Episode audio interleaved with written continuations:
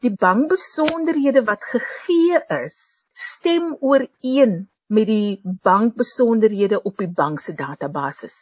So jy kan nie sê jy gee die naam byvoorbeeld Omilia Hartzenberg as 'n lid wat aftree, maar dan gee ek miskien Olivia se bankbesonderhede nie.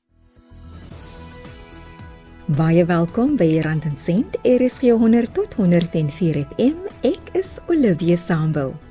Vandag is die 9de program in die reeks oor die pensioenfonds vir staatsamptenare. Die program word met trots aangebied deur SAK Radio Opvoedkunde in samewerking met die Pensioenfonds vir staatsamptenare. SAK Opvoedkunde vir ryk denke, vir ryk lewens.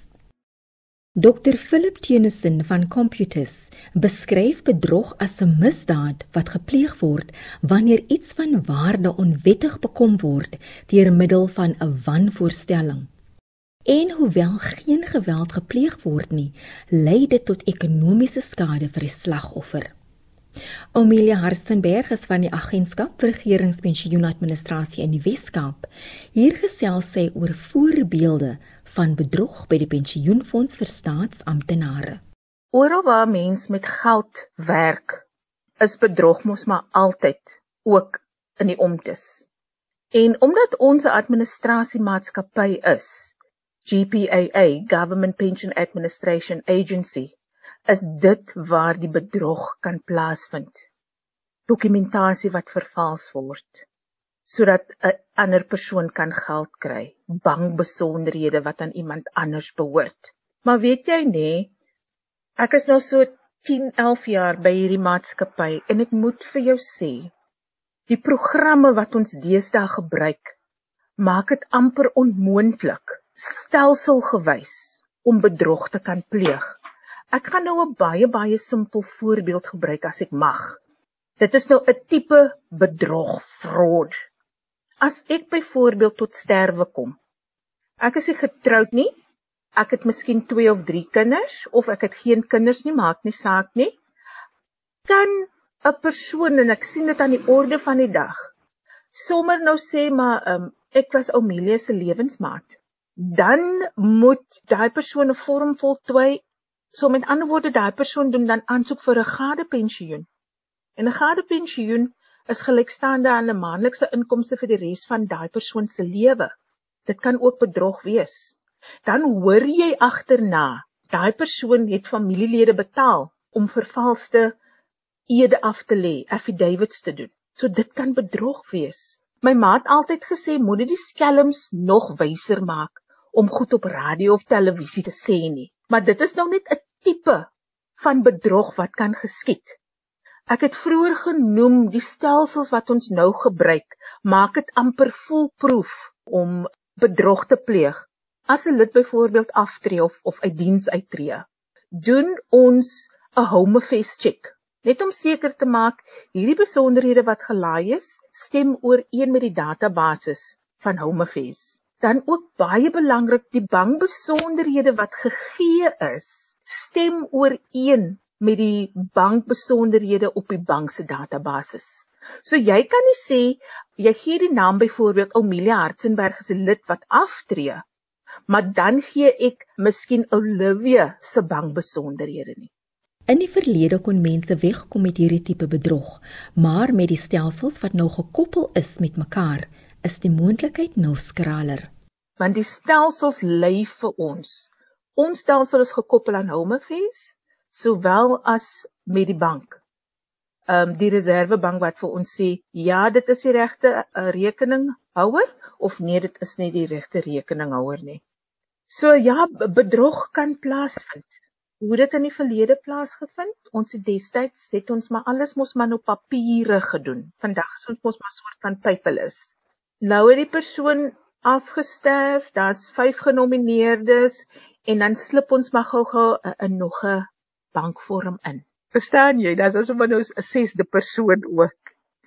Maar die feit dat alles nou elektronies gedoen word en dit word van een sentrale punt af gedoen, sê um, elke departement het maar nou se mense wat dit laai en aan ons stuur. So as dit nie elektronies aan die fonds gesubmit is nie, sal ons maar dit vinnig kan optel dat hierdie dokument wat hier ingestoot is, dit maak nie deel uit van die elektroniese vorms wat aan die fonds gesubmit is nie. Bedrog word in 'n baie ernstige lig beskou, want dit kan rampspoedige gevolge vir die slagoffer inhou. Bedrog is 'n kriminele oortreding. As jy skuldig bevind word, jy sal ongelukkig maar gaan tyd gaan spandeer daar in die selle. Dit is 'n realiteit en weet jy wat nie? Dit is nou uit my oogpunt uit. Ek werk vir die pensioenfonds. Ek kan nie alleen so iets doen nie. Omdat daar soveel verskillende afdelings waartoe gevalle moet gaan. Soos byvoorbeeld as 'n eis gelaai word, dit gaan na ons back office toe, dan gaan dit membership toe, dan gaan dit bydraes toe, dan gaan dit miskien na ons special project afdeling toe as jy miskien nou redress het. Dit gaan deur soveel hande. Iemand gaan iets oplet. Maar verbeel jou ek het 'n persoon in elke afdeling wat saam met my in cahoots is. Dit mos nooit opgetel word nie. Ek het hulle oom gehelp wat tussen aanhalingstekens nê dood gemaak was op homefestelsel.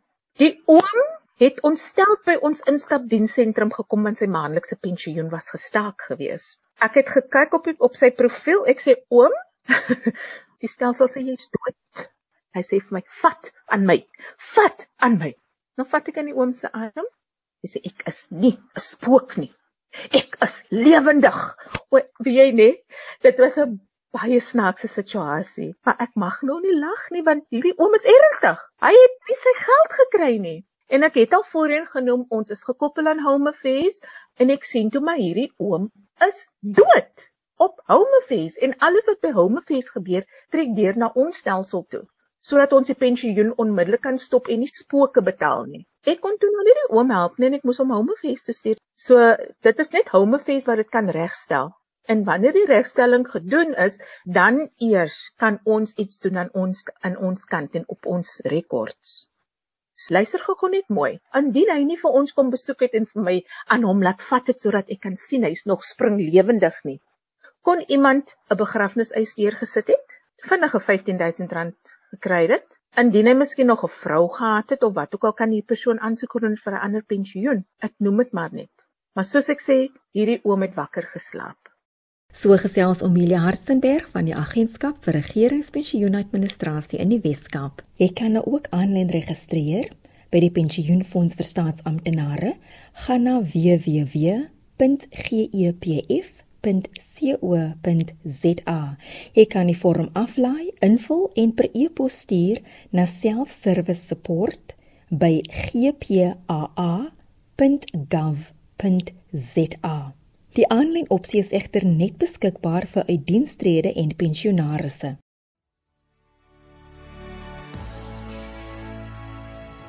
Omelia Hartzenberg van die Agentskap vir Regeringspensioenadministrasie sê dit kos 'n fyn oog en oplettendheid om bedrog op te merk. Ek het nou onlangs 'n doodseis gekry, né? En die persoon se status was ongetroud geweest. Na die tyd het ons 'n aansoek vir 'n uh, gade pensioen gekry as 'n lewensmaat.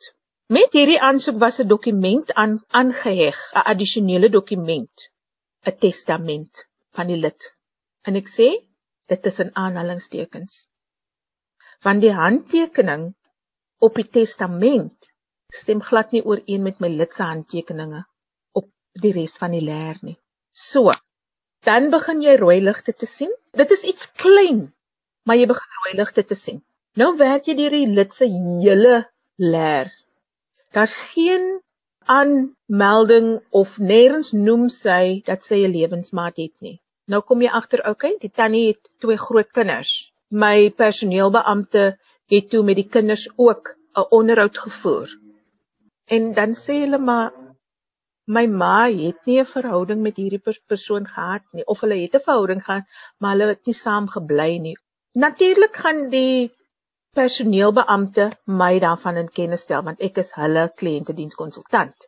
Weet jy, ek is nie by magte om enige gevolgtrekkings te maak nie. Ons het 'n regsafdeling en ons het 'n forensiese afdeling.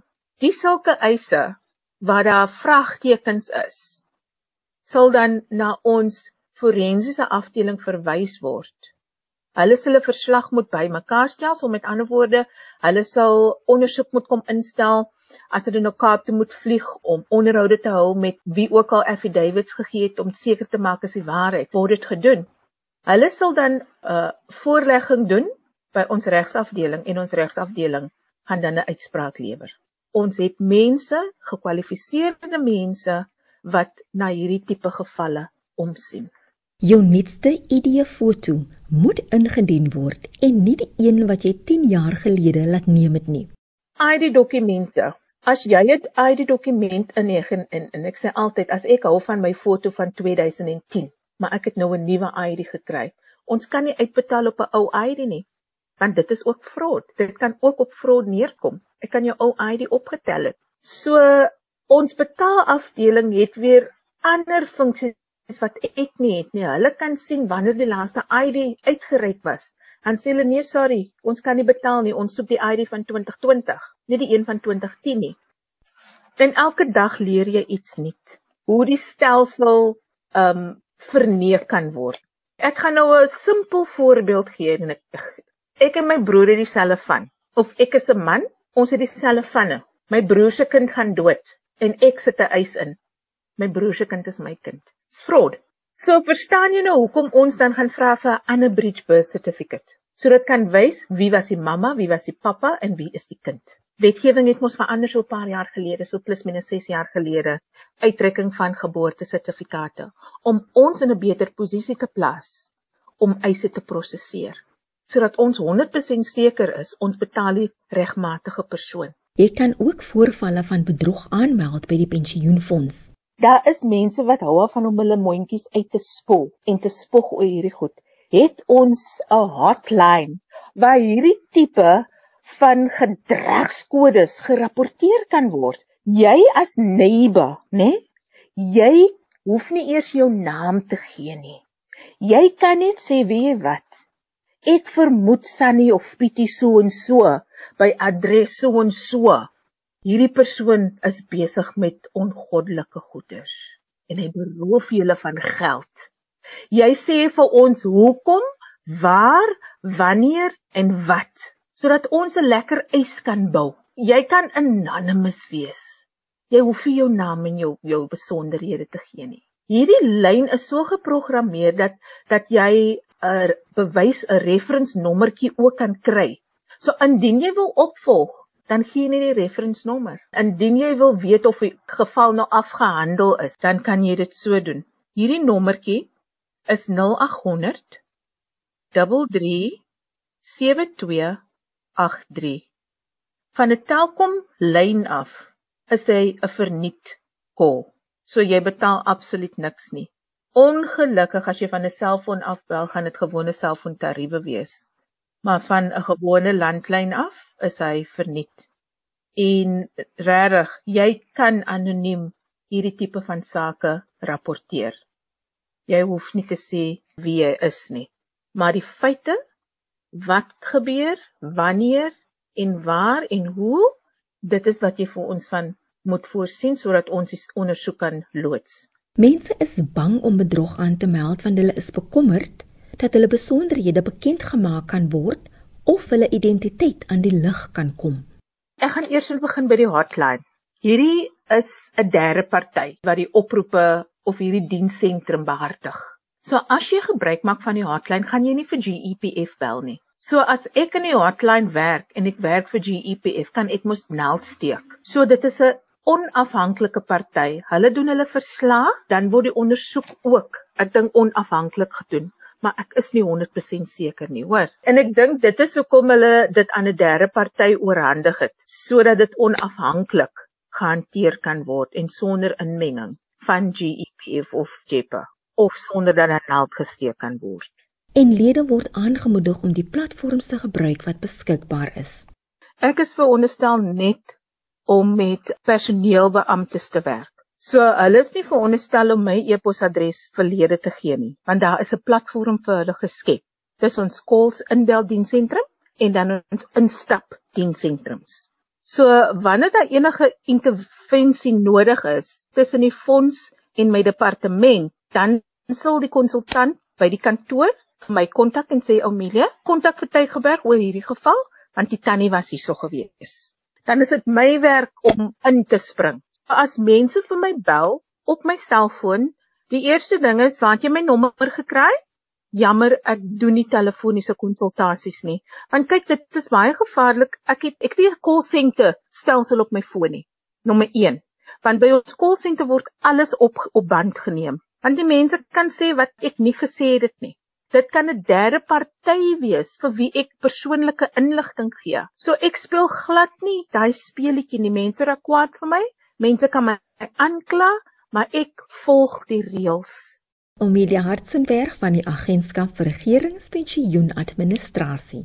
Vir meer inligting, bel die tollvrye nommer 0800 117 669. Oproepe na hierdie nommer is gratis vanaf enige Telkomlyn. Jy kan ook gaan na een van die instapdienssentrums toe of stuur 'n e-pos na inquiries@gepf.co.za of besoek die webtuiste by www www.gepf.co.za. Jy kan weer woensdagoggend om 04:00 na die program luister. Dis tot sins van my Olivia Sambo hier op Rand en Sent. RSG 100 tot 104 FM. Tot volgende week wanneer ons oor pensioenverhogings gaan gesels.